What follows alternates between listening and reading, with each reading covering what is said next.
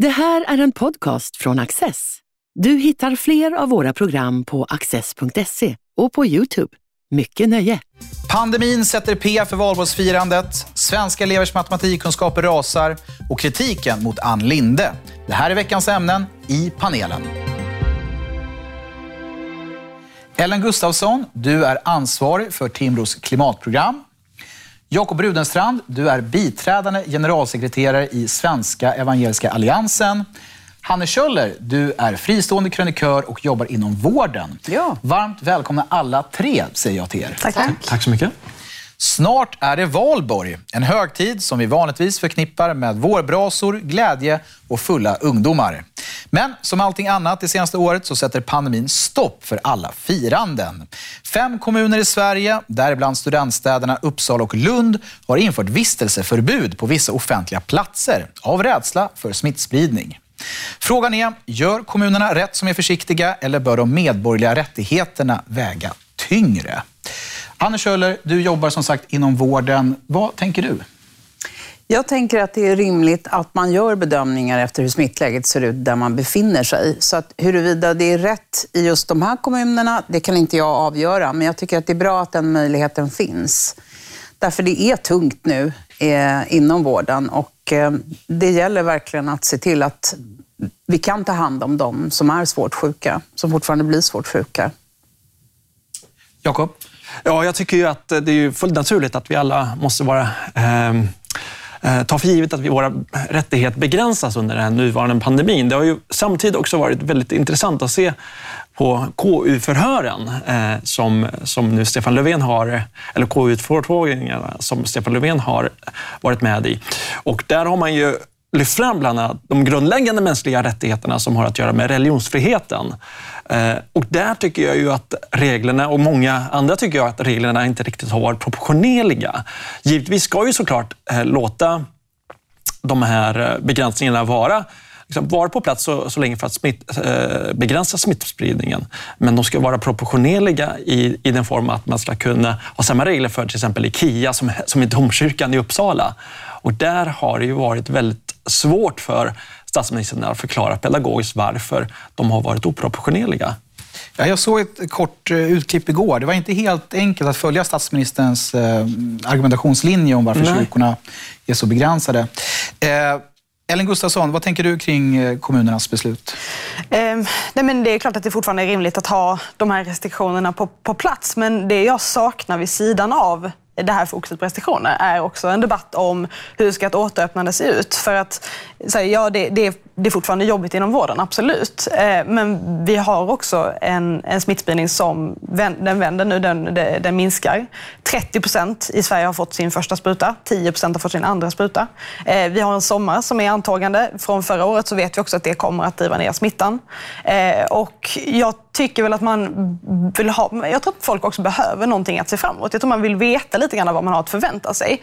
Tänk exempelvis då på Storbritannien där man har lanserat olika faser, hur, man, hur samhället ska öppna upp i olika faser. Och det, det behöver inte vara att man sätter ett datum och nu ska det se ut, nu, vi ska öppna upp det här datumet och det här, då måste de lyftas. Men att, att det skulle kunna förhålla sig till vissa parametrar som hur många är vaccinerade, hur ser smittspridningen ut? Att man liksom har någonting att förhålla sig till. Och jag tror att det också skulle kunna skapa en större vilja att, så att säga, hålla i och hålla ut. För folk är såklart trötta efter ett år och jag tror att man vill ha någonting att se fram emot. Jag tror också det skulle kunna hjälpa eh, företagen faktiskt. Um... Men jag tänker också att det som har varit en konflikt under hela den här pandemin, det har ju varit vad är jämlikhetssträvanden och vad är smittprevention?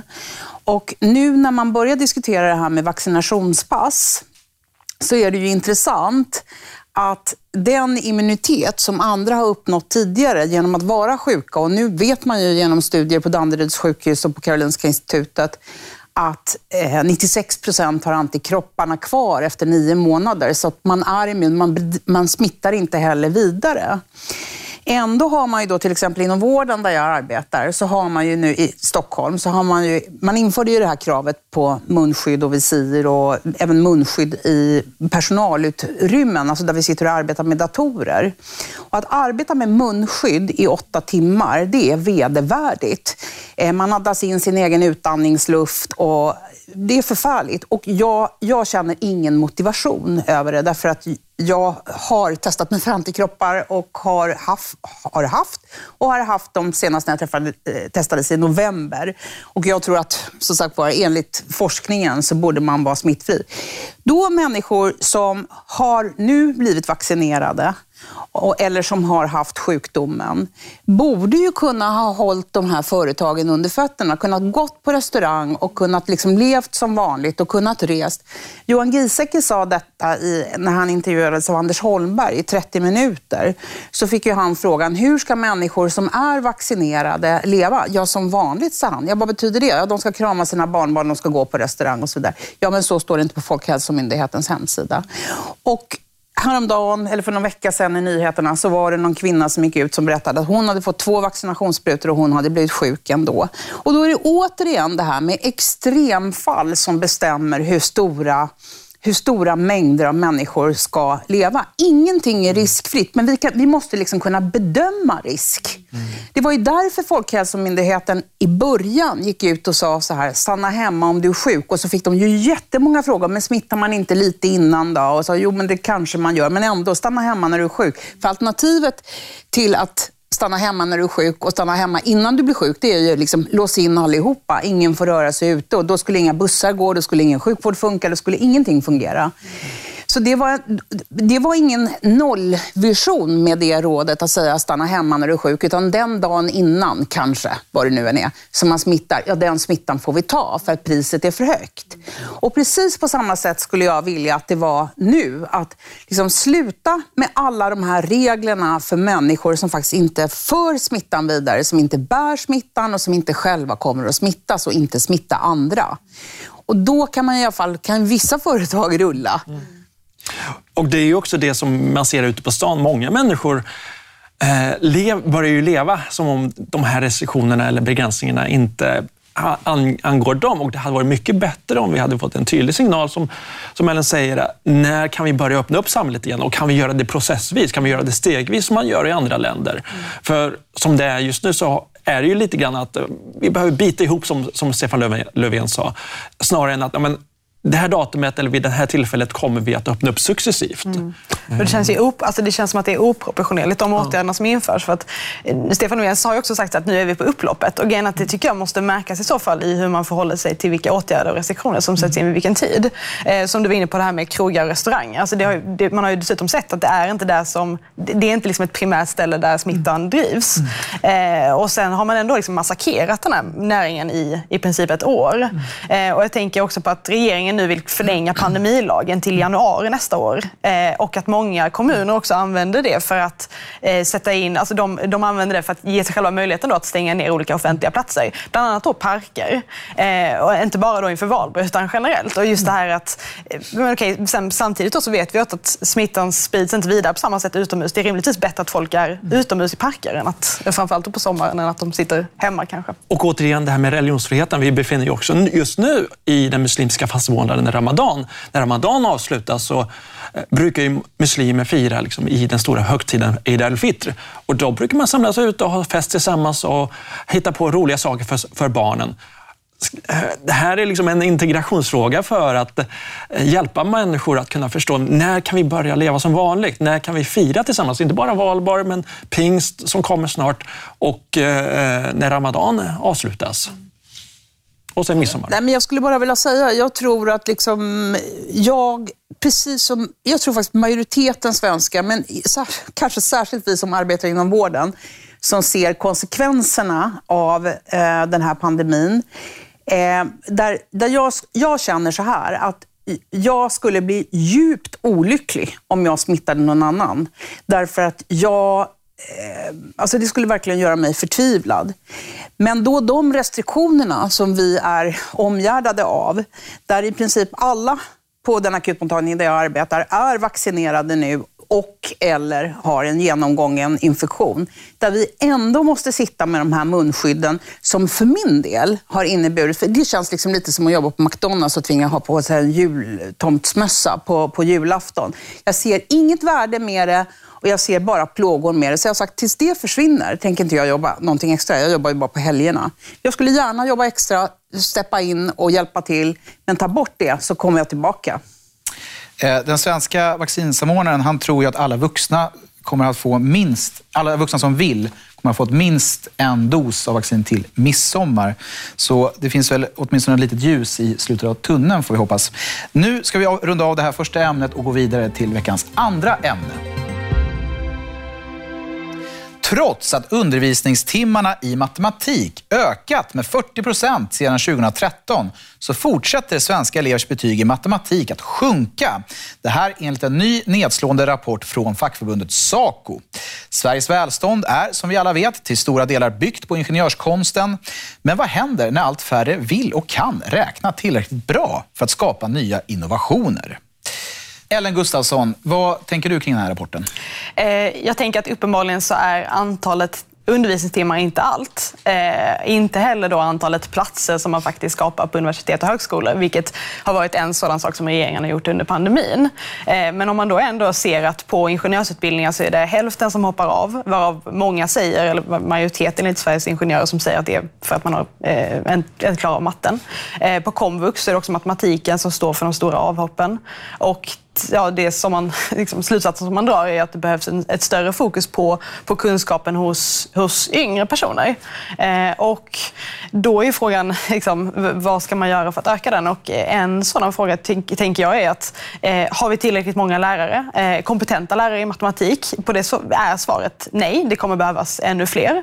Eh, följdfrågan då eller är ju att hur, liksom, var hittar vi de här? Och där tänker jag att en viktig del är att eh, göra det möjligt för personer som är utbildade utbildade, som har en akademisk utbildning i sådant som kräver höga mattekunskaper, men som inte nödvändigtvis är ämneslärare i grund och botten. Skulle man kunna göra det enklare för dem att gå in eh, och eh, vara lärare på, på deltid till exempel, eller att kunna göra inhopp i skolan? För jag tror att eh, skolan, eller matematikundervisningen skulle kunna bli bättre om man hade ingenjörer där också. Sen en ytterligare del är ju att eh, fokusera på hur ser matteundervisningen ut. Exempelvis Singapore eh, låg långt ner i internationella mätningar. Sen gjorde de en reformering eh, kring hur man, hur man lär ut matte eh, och eh, ligger idag i topp i många mätningar eh, enligt en, en Singapore-modell. Eh, så det tycker jag är en, en, viktig del. Och sen om man, på, på ett mer generellt plan så tycker jag också att Eh, man behöver fokusera på hur lyfter man, alltså hur lyfter man kvaliteten generellt i den svenska skolan. Eh, för det har varit en, en stor debatt om skolsegregation och bra och dåliga skolor. Eh, och där många då exempelvis eh, slår ner mot kötidssystem och sådär. problemet är inte att det finns elever som vill gå i bra skolor, utan problemet är att det finns för få bra skolor i Sverige.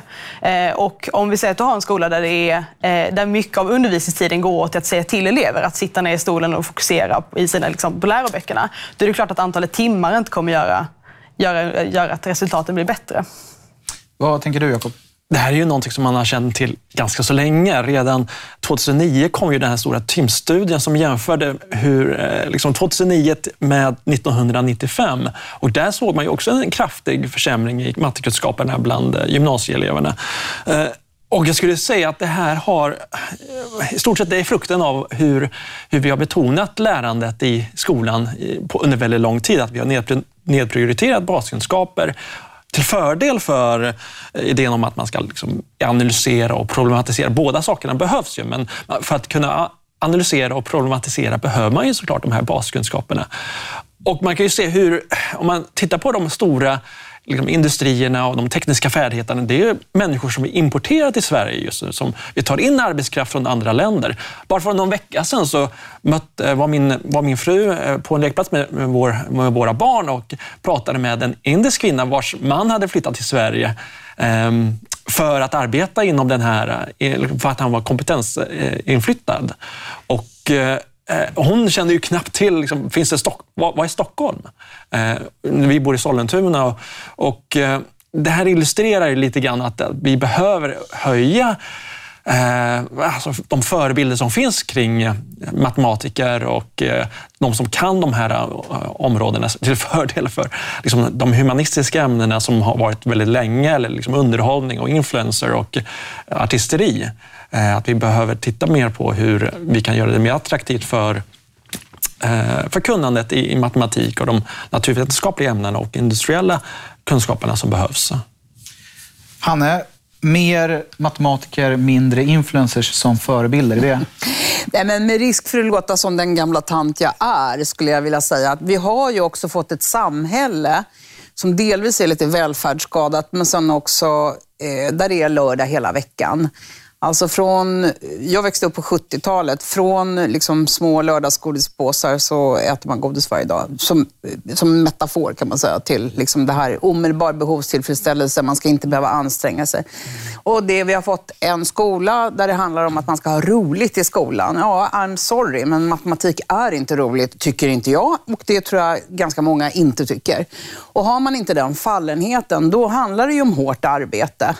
Och Det handlar om att nöta in saker och lära sig saker. Och Jag undrar om det kanske också är så att våra ungdomar idag, jag har själv en 18-åring, liksom inte riktigt har eh, den motivationen. Och sen, har, och sen så att det uppmuntras av en skola som säger att man ska ha roligt i skolan snarare än som när jag var ung, att man ska kunna göra någonting roligt efter skolan. Så man måste liksom genomlida vissa saker för att få belöning senare. Men vi saknar ju tycker jag, i, i vårt samhälle. En, en, eller I lägre grad så kan vi skjuta upp vinster på samma sätt som vi eh, var tvungna att göra tidigare. Så det är ett eh, bekymmer, tycker jag. Jakob, vill komma in? Man kan ju också säga att konsekvenserna av det här kommer att vara väldigt kännbara. De länder, eller de kontinenter som mattekunskaperna ökar, det är Indien, Kina och vill vi i slutändan vara beroende av Kina, liksom en diktatur, eh, och Indien som liksom, man kan säga är ett halvt totalitärt samhälle. Vill vi vara beroende av, av de länderna i framtiden eller vill vi, eller vi vill bygga Sverige som en nation som eh, prioriterar ut, liksom, den civilisationsmässiga utveckling och matematik som är, som är grundläggande för detta? Mm. Eh, jag ska säga också, för några timmar sedan så kom ju Riksrevisionen eh, med förödande kritik, eller hård kritik, mot regeringen för eh, deras hantering av PISA-resultatet 2018, där en alltför stor andel av elevunderlaget eh, exkluderades.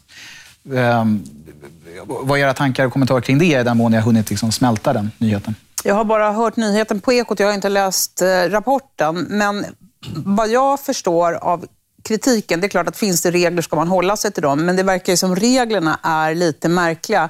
Om det man vill mäta är någonting annat än ögonblicks, en ögonblicksbild av hur det ser ut i Sverige vid ett visst tillfälle. Utan jag tänker att PISA-mätningarna är ju ett redskap för att se hur eh, utvecklingen sker i ett land.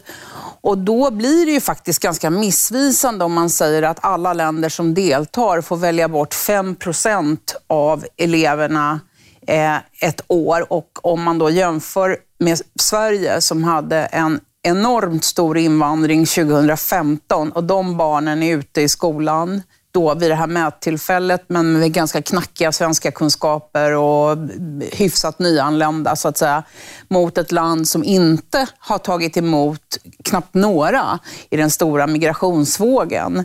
Så att jag, jag tänker att den andelen nyanlända måste liksom pareras efter hur stor andel nyanlända som finns i ett land. För annars blir det ju bara, det är helt ointressant tycker jag att säga hur många är duktiga på ditten eller datten liksom, om, eh, om vi har haft en extrem invandring ett visst år. Mm.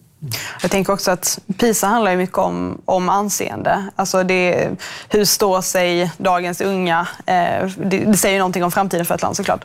Eh, och, eh, nu har jag inte heller liksom hunnit läsa den här, den här rapporten, men, men om det är så att, eh, att man liksom, i någon mån har ett, ett urval som inte då räknas i PISA som gör att, det inte, att resultatet inte, blir, inte stämmer eller inte speglar verkligheten. Så är det klart att, alltså att dölja ett problem gör ju inte att det inte finns. Eh, och det blir lite samma sak som det med antalet timmar och mattekunskap. Alltså det, det kommer ju synas någon annanstans i slutändan. Eh, om det är så att det finns folk som inte, som inte kan det de eh, ska, eller vad man ska säga.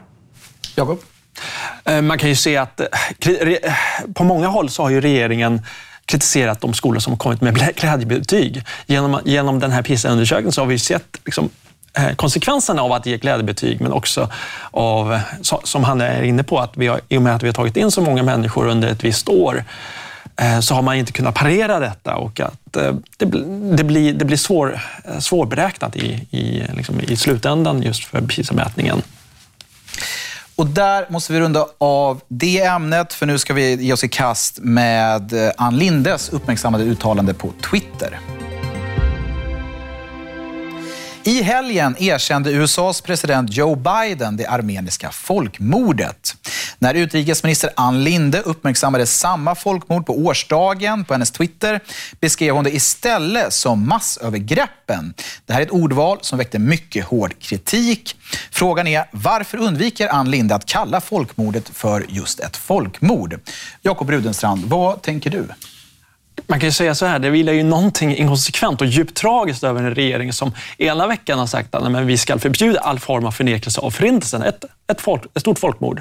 Men sen nästa vecka säger, eller förminskar ett annat stort folkmord, nämligen det armeniska folkmordet 1915, där 1,5 miljoner människor eh, massakrerades, dödades av, av det dåvarande Ottomanska imperiet. Och, eh, det här har ju varit en fråga som har varit på tapeten alla, länge, men redan 2010 när riksdagen tog beslut om, beslutet om att erkänna folkmordet, man kan ju ha en diskussion om huruvida en, ett parlament ska eh, avgöra vad som är historiskt sant, men nu har vi det här i alla fall, beslutet i riksdagen och Carl Bildt ville inte erkänna det.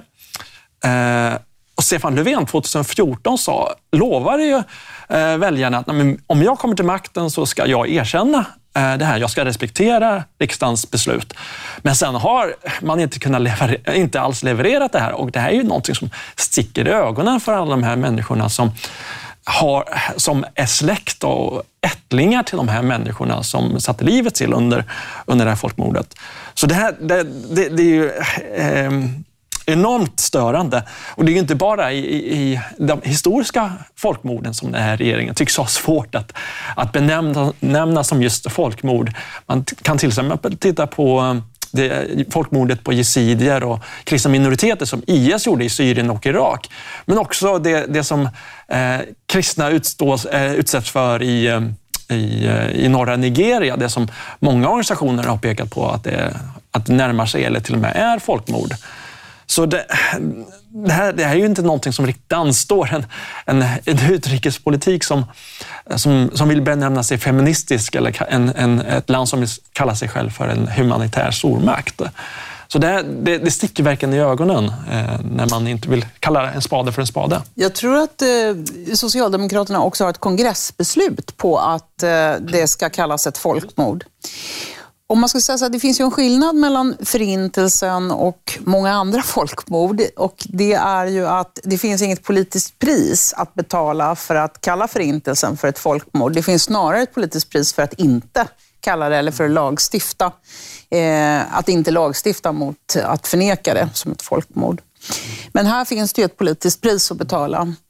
Det har det ju funnits tidigare också. Jag tänker också på Rwanda, eh, där det fanns ett pris att betala därför att man var tvungen att agera. Eh, enligt de regler man själva hade dragit upp då. Så, ja, eh, och det är bara, det är tragiskt att konstatera att, att båda de traditionella blocken i svensk politik har agerat för att det ska kallas ett folkmord när de har varit i opposition och ingen har gjort det i regeringsställning därför att man, man vill inte äventyra relationerna till Turkiet. Mm.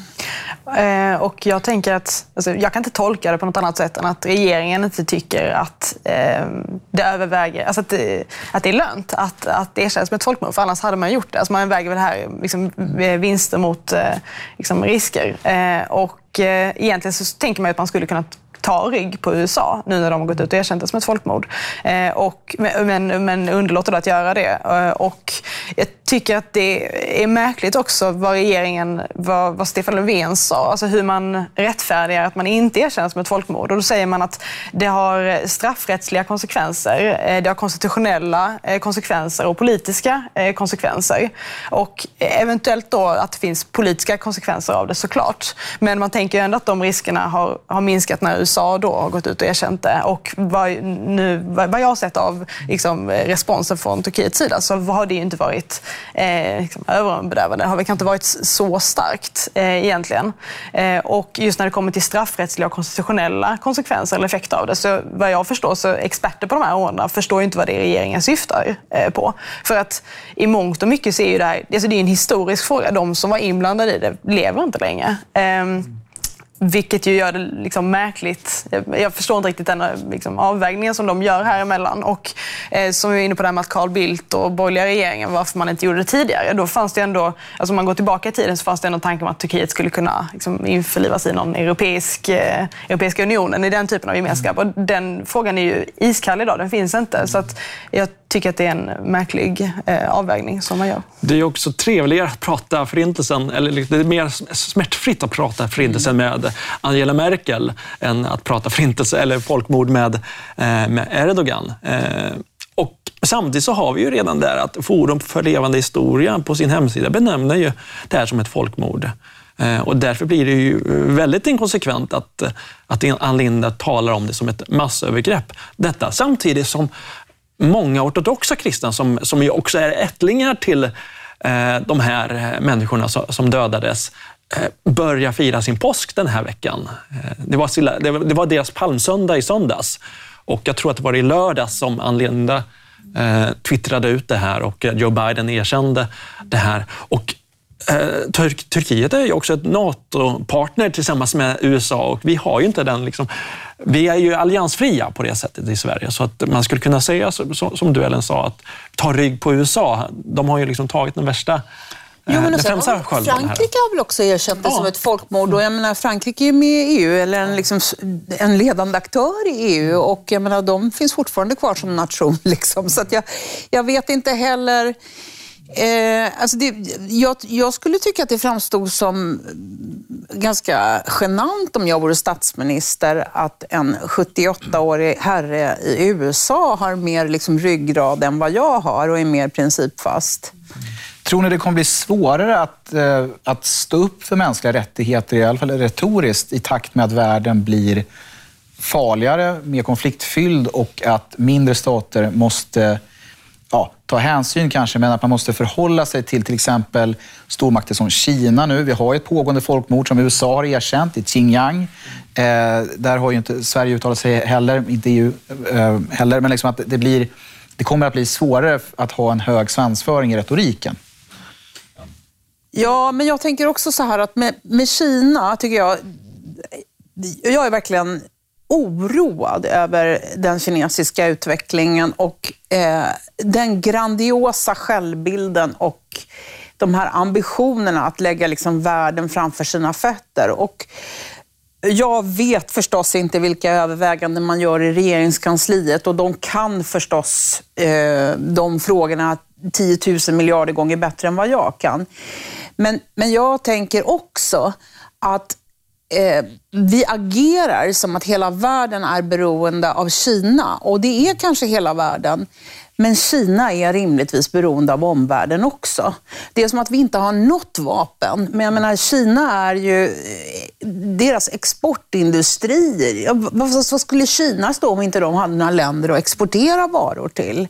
Så att, jag vet inte, jag tycker också att vi har liksom hamnat, satt oss lite, lite väl mycket på huk. Sen kan kanske inte ett enskilt litet land med 10 miljoner invånare göra allt. Men jag tycker EU är ju en stor aktör. Och, och det känns ju liksom aldrig som att att eh, Kina blir mätt. Liksom, utan det är liksom nästan som, det är som en trotsig unge. Ju mer man ger efter och ju svagare man verkar, desto mer glufsar de i sig. Det var ju talande att se intervjun med ambassadören här om kvällen mm. och eh, det, det, det, illustrerar ju den, den, den självbilden som, som Kina har, har idag. Att, att förneka all form av kritik och kalla det svartmålning. Det får bli slutordet för den här veckans panelen. Stort tack för att ni har varit med och stort tack för att ni har tittat. Du har just lyssnat på en podcast från Access. Du vet väl att vi också är en tv-kanal och tidning? Teckna en prenumeration idag på access.se.